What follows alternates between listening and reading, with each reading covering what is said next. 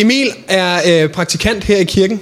Øh, præstepraktikant i det her halve år. Nogle af jer har mødt ham, nogle af jer har ikke mødt ham endnu. Det skal I glæde jer til.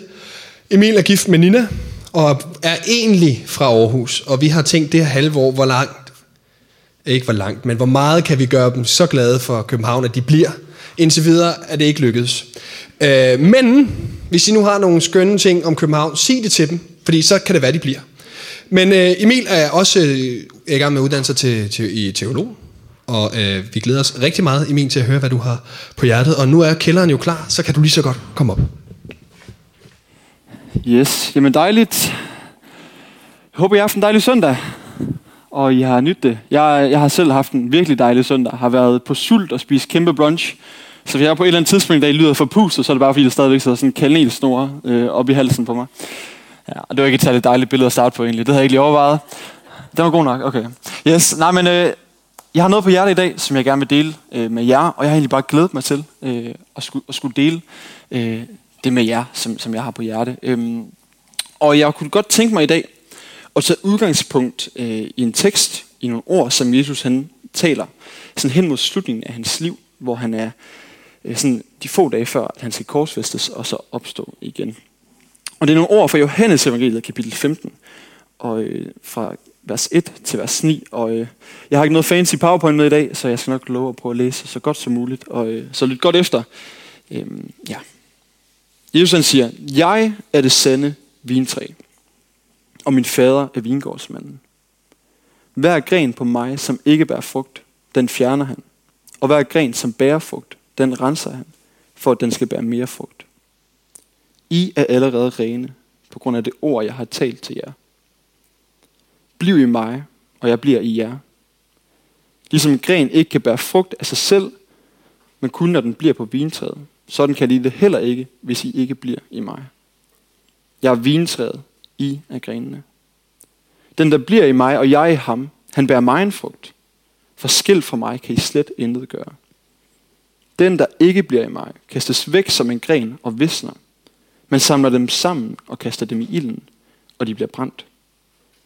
Hvis I bliver i mig, og mine ord bliver i jer, så bed om, hvad I vil, og I skal få det.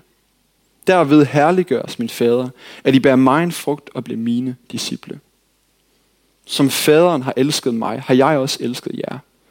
Bliv i min kærlighed.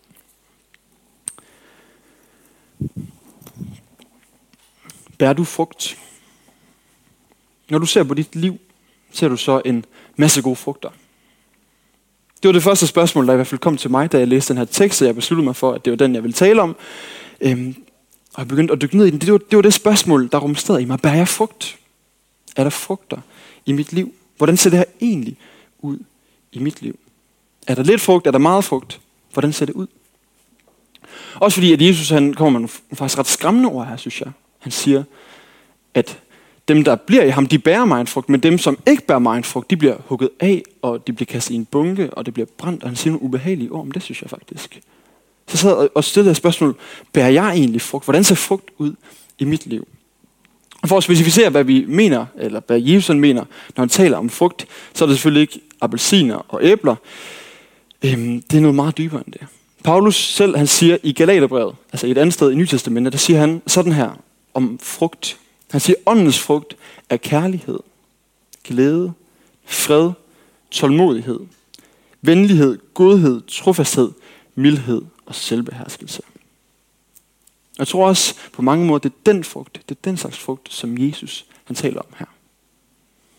Bærer jeg den frugt? Hvordan er de frugter i mit liv?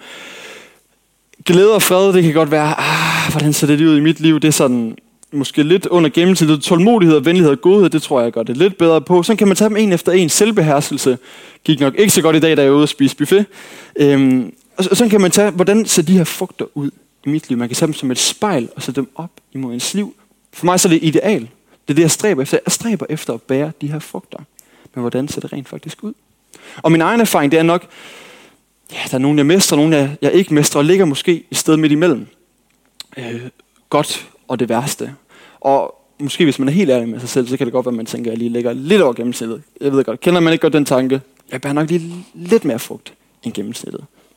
Men hvordan ser det ud i vores liv? Hvordan ser den her frugt ud? Og det skal vi tale noget om i dag. Vi skal snakke om det her med at bære frugt. Og det er vigtigt at tale om at bære frugt, fordi det er en vigtig del af det at være menneske. Det er vigtigt, at vi lykkes i at bære frugt. Og det er også vigtigt, fordi Jesus han siger, det er vigtigt. Den tekst, vi har læst, det budskab, som Jesus har, der siger han, det er vigtigt, at I bærer frugt. Det er en vigtig ting at tale om. Hvordan bærer vi frugt? Men faktisk, så er det ikke der, jeg synes, vi skal starte i dag.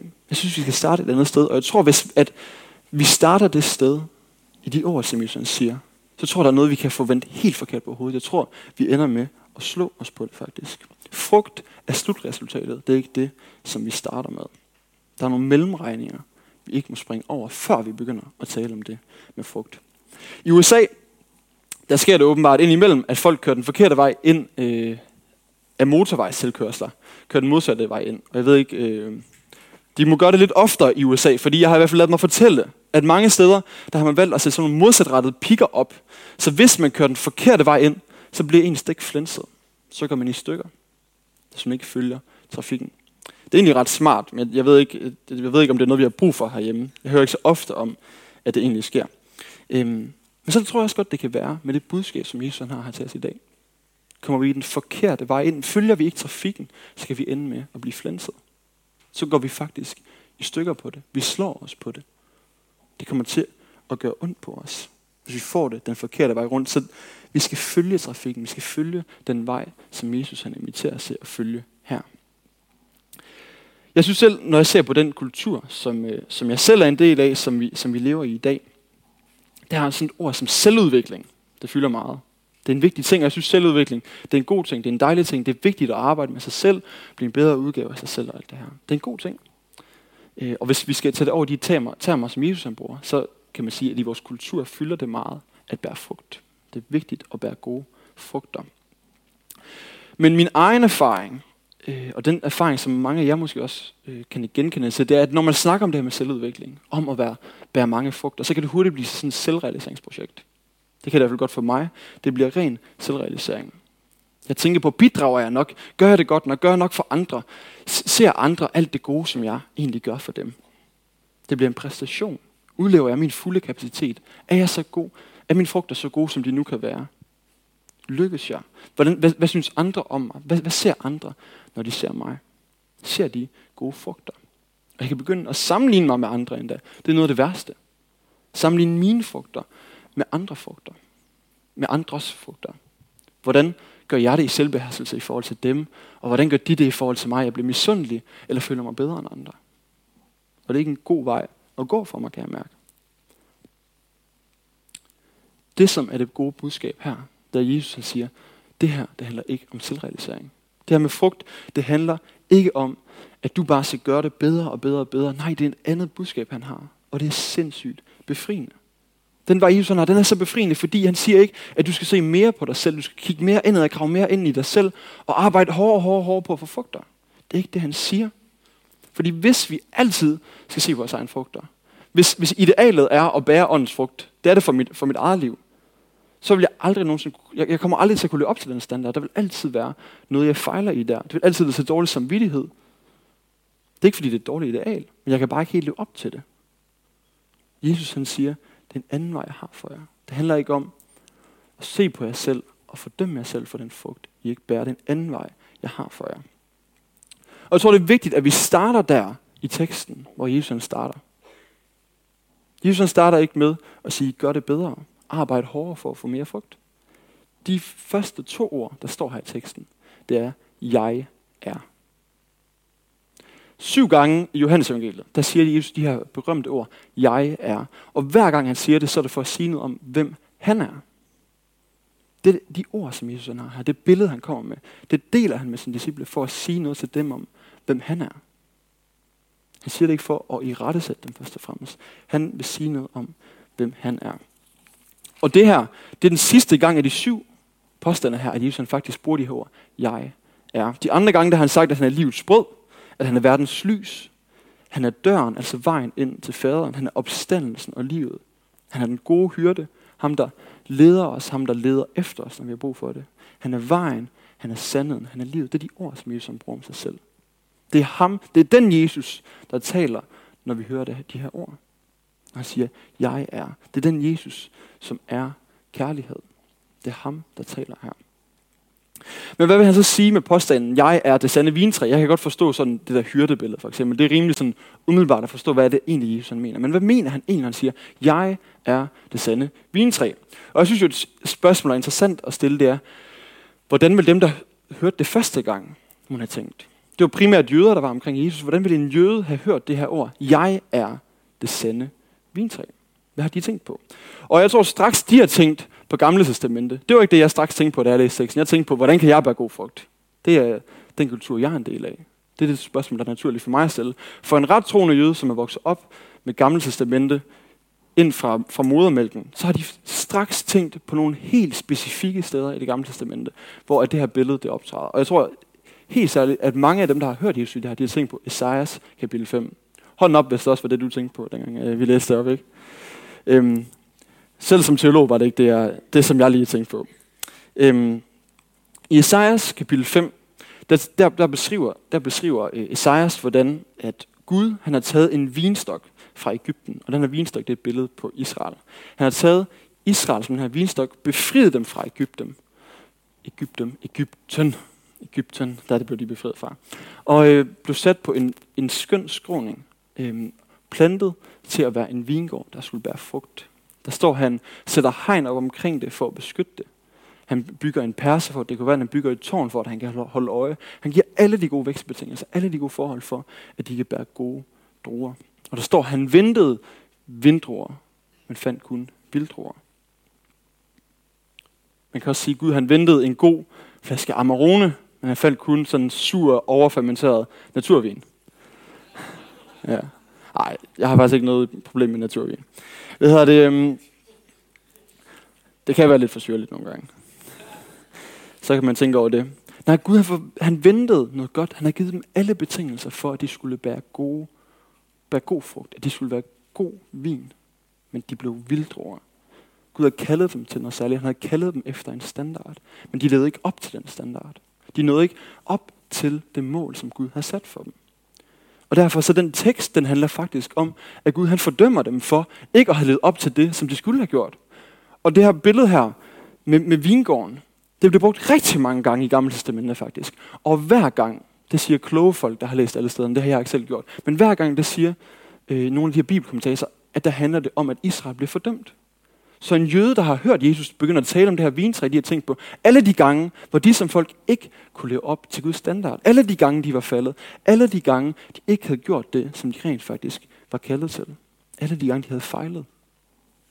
Og her der siger Jesus så, jeg er det sande vintræ. Det er faktisk ikke jer længere, der, der, der er vintræet. Jeg er vintræet, og I er grenene. I får lov, I får en invitation. Det er det, han har sagt til de jøder, der står Selvom I har fejlet, selv om I ikke er lykkedes, så inviterer jeg jer. Jeg rækker en invitation ud til jer, at I kan få lov at være grene på træet.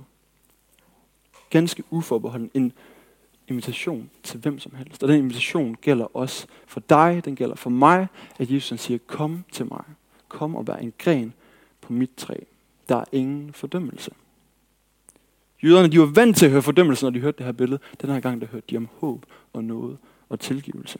Og det gælder for os for os. Jesus han siger nogle fantastiske ord i vers 2, der siger han, I er allerede rene.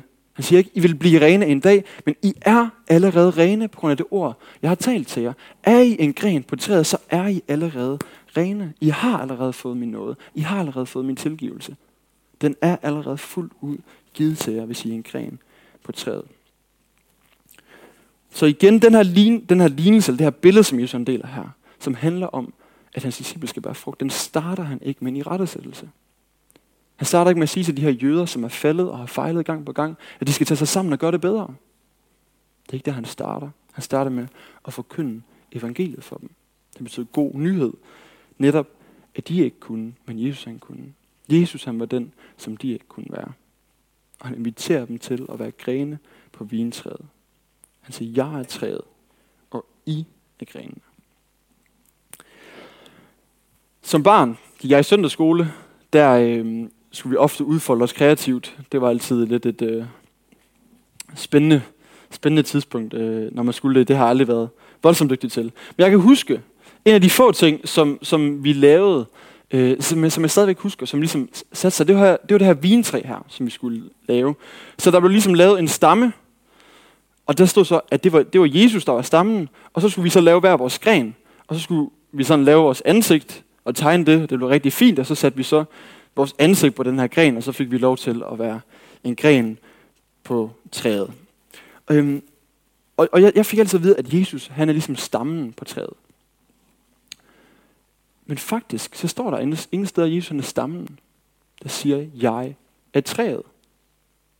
Jesus han er ikke bare stammen, han er træet. Grenen er så integreret en del af træet, at grenen på en eller anden måde også er træet. Og træet også er grenen.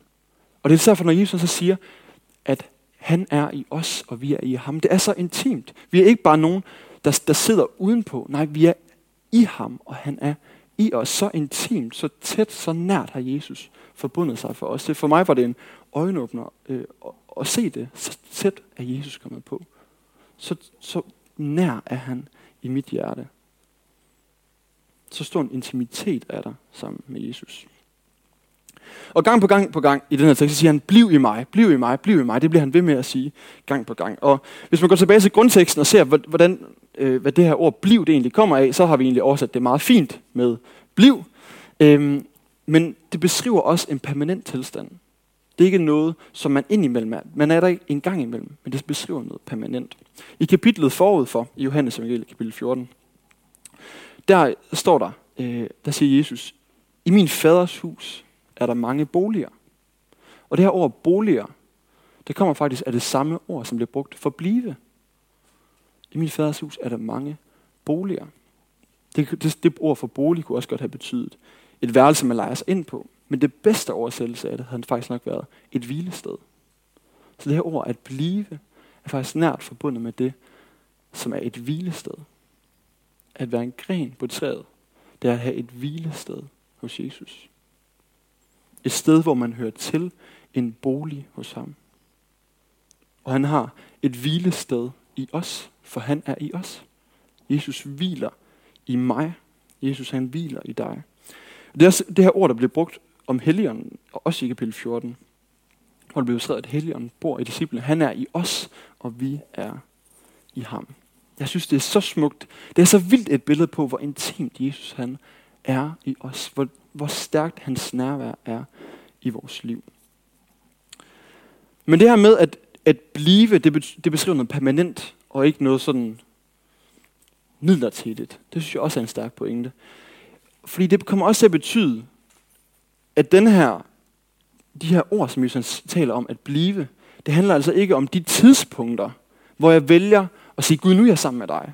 Nu læser jeg min bibel, så er jeg sammen med dig. Nu er jeg her til gudstjeneste, så er jeg sammen med dig, Gud. Nu sidder jeg på den her dejlige bakketop og nyder en solnedgang, så er jeg sammen med dig, Gud, mens jeg priser dig og lovsynger dig. Det er faktisk ikke det, han siger. At blive i Kristus er en tilstand. Det er ikke en handling. Det er ikke en eller anden vane. Det er ikke en eller anden praksis. Men det er faktisk en tilstand, et fokus, en tillid til, at man er så nært forbundet med Jesus. Det er ikke noget, vi træder ind og ud af. Det er ikke en dør, vi går ind af. Nu er jeg Jesus, så går vi ud af den igen. Vi er i Kristus, og han i os. Det er det budskab, som Jesus han kommer med. Og når vi er der, fordi vi hviler i Jesus, vi har vores hvilested i ham og han i os, der siger Jesus, der vil I bære frugt. Det er umuligt, at man ikke bærer frugt, hvis man er i Jesus. Det er det løfte, han har. Han har givet os sit ord, sin kærlighed, sin glæde i os. Og så vil vi bære frugt. En af mine yndlingsteologer, som hedder Anti Wright, han har sagt det her med at blive, det er både noget, som skal nydes og kultiveres. Det skal nydes, det er noget, vi tager imod. Det er noget, vi bare må hvile i. Men samtidig så skal det også kultiveres. Jesus han siger de her meget udfordrende ord. Skilt for mig kan I slet intet gøre. Jeg synes, det er ret provokerende, egentlig. Også, jamen hvad nu, hvis man ikke er en disciple af dig, Jesus, kan man så virkelig slet intet gøre. Og det er heller ikke det, der er hans pointe, tror jeg. Det handler heller ikke om, at vi skal til at blive dogne. Det handler ikke om, at vi intet kan udrette overhovedet i livet, livet at, at andet vi kan gøre. Øhm, men ham en T. Wright, han siger, livet i Jesus, det er også noget, der skal kultiveres. Det skal nydes, det er noget, vi allerede har, men samtidig så skal vi også give gode vækstbetingelser. Det her ord kultivere, det var jeg nødt til lige sådan at slå op og fandt ud af, det er sådan meget havearbejde-agtigt øh, ord. Og det ved jeg heller ikke meget om. Men når man kultiverer jorden, så handler det for eksempel om, at man vender jorden, for at der kan komme ekstra næring ned til jorden. Man giver gødning til jorden, for at planterne de kan vokse op. Det, det er sådan, at man ikke bare lader noget vokse vildt, men man giver det gode forhold. Ja, det var en virkelig øh, skidt forklaring af, hvad det vil sige at kultivere. Tjek det ud, ikke? Øh, jeg kan bedre sige, hvad det handler om, når man skal kultivere sin relation til Gud. Hvad det betyder i forhold til Jesus. At vi skal give livet med Gud gode vækstbetingelser. Jeg tror på, at jeg er i Jesus. Men samtidig så er min erfaring også, at jeg har brug for rent faktisk at bygge nogle gode vaner op. Og bygge nogle gode åndelige muskler op på en eller anden måde. For gang på gang at blive mindet om, at jeg er i Jesus. Ikke fordi jeg skal gøre det i min egen kraft, men jeg har brug for de tidspunkter, hvor jeg kan være sammen med Jesus og blive mindet om, hvem han er. Det er sådan, man kultiverer det. Og hvis du tænker, det, det der er svært, det kunne jeg godt bruge noget inspiration til. Så vil jeg gerne præsentere noget, som, som vi har lavet her i kirken. Det, herpå der står der restriktioner. Det er meget småt af fire ark. Jeg skulle måske have printet det lidt større. Øhm, det er man vant til at se i disse tider. Vi har simpelthen lavet sådan en her, som hedder Inspirationer. Tak til det gode medieteam, som har lavet en flot, flot, flot grafik. Jeg vil gerne give min hånd. Ja. Øhm, men vi har givet sådan en, en guide til, hvordan øh, du kan blive inspireret til at have åndelige discipliner i din hverdag. Og der er seks forskellige øh, overordnede kategorier, vi ligesom har delt ind i. Tilbedelse, stillhed, meditation, bibel, bøn, medvandring og tjeneste. Og du kan læse meget mere ind på København Vinders hjemmeside omkring de her ting. Øh, og få nogle inspirationer til, hey, hvordan kan man faktisk bede? Jeg kan faktisk godt at, blive, at, at bede mere, men jeg synes faktisk godt, det kan være svært. Det kan måske være særligt svært lige nu, hvor man ikke rigtig kan mødes, som man plejer. Øhm, tilbedelse, hvordan kan jeg gøre det både i kirke og derhjemme, hvordan kan jeg vandre med nogen i mit liv, osv. osv. Her i der er der en masse, masse god øh, inspiration til det. For, som jeg ser det, så åndelige discipliner, det kan hurtigt lyde meget tungt og kedeligt. Øhm, men for mig så er det en måde, hvor jeg erfarer, hvor fri jeg er i Jesus. Det er et sted, hvor jeg virkelig får lov at mærke det hvilested, som jeg allerede har, men jeg får lov til at være til stede midt i det. For nogen falder det bare naturligt i løbet af dagen bare at, at have den erfaring af, Jesus, du er lige her hos mig, jeg er lige der hos dig. Vi er sammen hele tiden. Det falder ikke naturligt for mig. Jeg har brug for vaner, jeg har brug for at sætte tid af til det, jeg har brug for indimellem at gå en tur, jeg har brug for indimellem at læse i min bibel. Og for andre, så har man måske ikke på samme måde brug for de her ting. Øhm, men det kan i hvert fald være en inspiration til at erfare hvilen i Jesus. Erfare, hvad det vil sige, at han er i os, og vi er i ham. Og jeg ved ikke, hvad der virker for dig. Jeg ved ikke, hvordan du bliver bragt hen til den erfaring. Jeg ved ikke, hvordan du vokser i det. Vi er forskellige som mennesker. Det er forskellige ting, der virker for os. Der er egentlig kommet her øh, mod slutningen nu. Og jeg startede med at stille et spørgsmål, som var, bærer du frugt? Er der frugt i dit liv? Og mit håb nu, det er, at du ikke sidder og tænker, at det er det vigtigste spørgsmål, du fik i aften. Jeg håber ikke, at du går hjem med dårlig samvittighed. Jeg håber ikke, at du sidder og tænker på alle de ting, du mangler. For det var ikke det, som Jesus han rent faktisk sagde. Det var ikke fordømmelse, Jesus han kom med til de disciple, der gang på gang var faldet, gang på gang havde fejlet. Han sagde, jeg er vintræet. Jeg har gjort det, ikke kun. Jeg er den gode nyhed. I kan bare få lov at komme til mig. I kan være grene på træet. Jeg har gjort det, I ikke kunne gøre. Og Jesus han inviterer os til et intimt, nært fællesskab med ham. Hvor vi får alt det, som han er ind i vores liv. Jeg har lige lyst til at læse et sidste bibelvers op, som jeg ikke læste op før. Der står lige to vers senere. Jesus han siger, sådan har jeg talt til jer, for min glæde kan være i jer, og jeres glæde blive fuldkommen. Jesu glæde ønsker han skal være i os. Jesu glæde, der var så stor, der er så stærk. Den siger han, den må være fuldkommen i jer. Hvis Jesus bor i mig, og Jesus han er glæde, så tror jeg på, at Jesu glæde den bor i mig. Og jeg, det er bare min bøn, at den må blive fuldkommen i mig. Det er min bøn, at Jesu glæde må blive fuldkommen i os alle. For det er sådan, vi bærer frugt. Det er ved at se mere på Jesus, ikke ved at se mere på vores frugt. Det er ikke ved at stræbe mere, det er ikke ved at prøve at gøre det bedre. Det er ikke sådan, vi bærer frugt. Se mere på Jesus. Bliv i ham, og så vil vi bære frugt.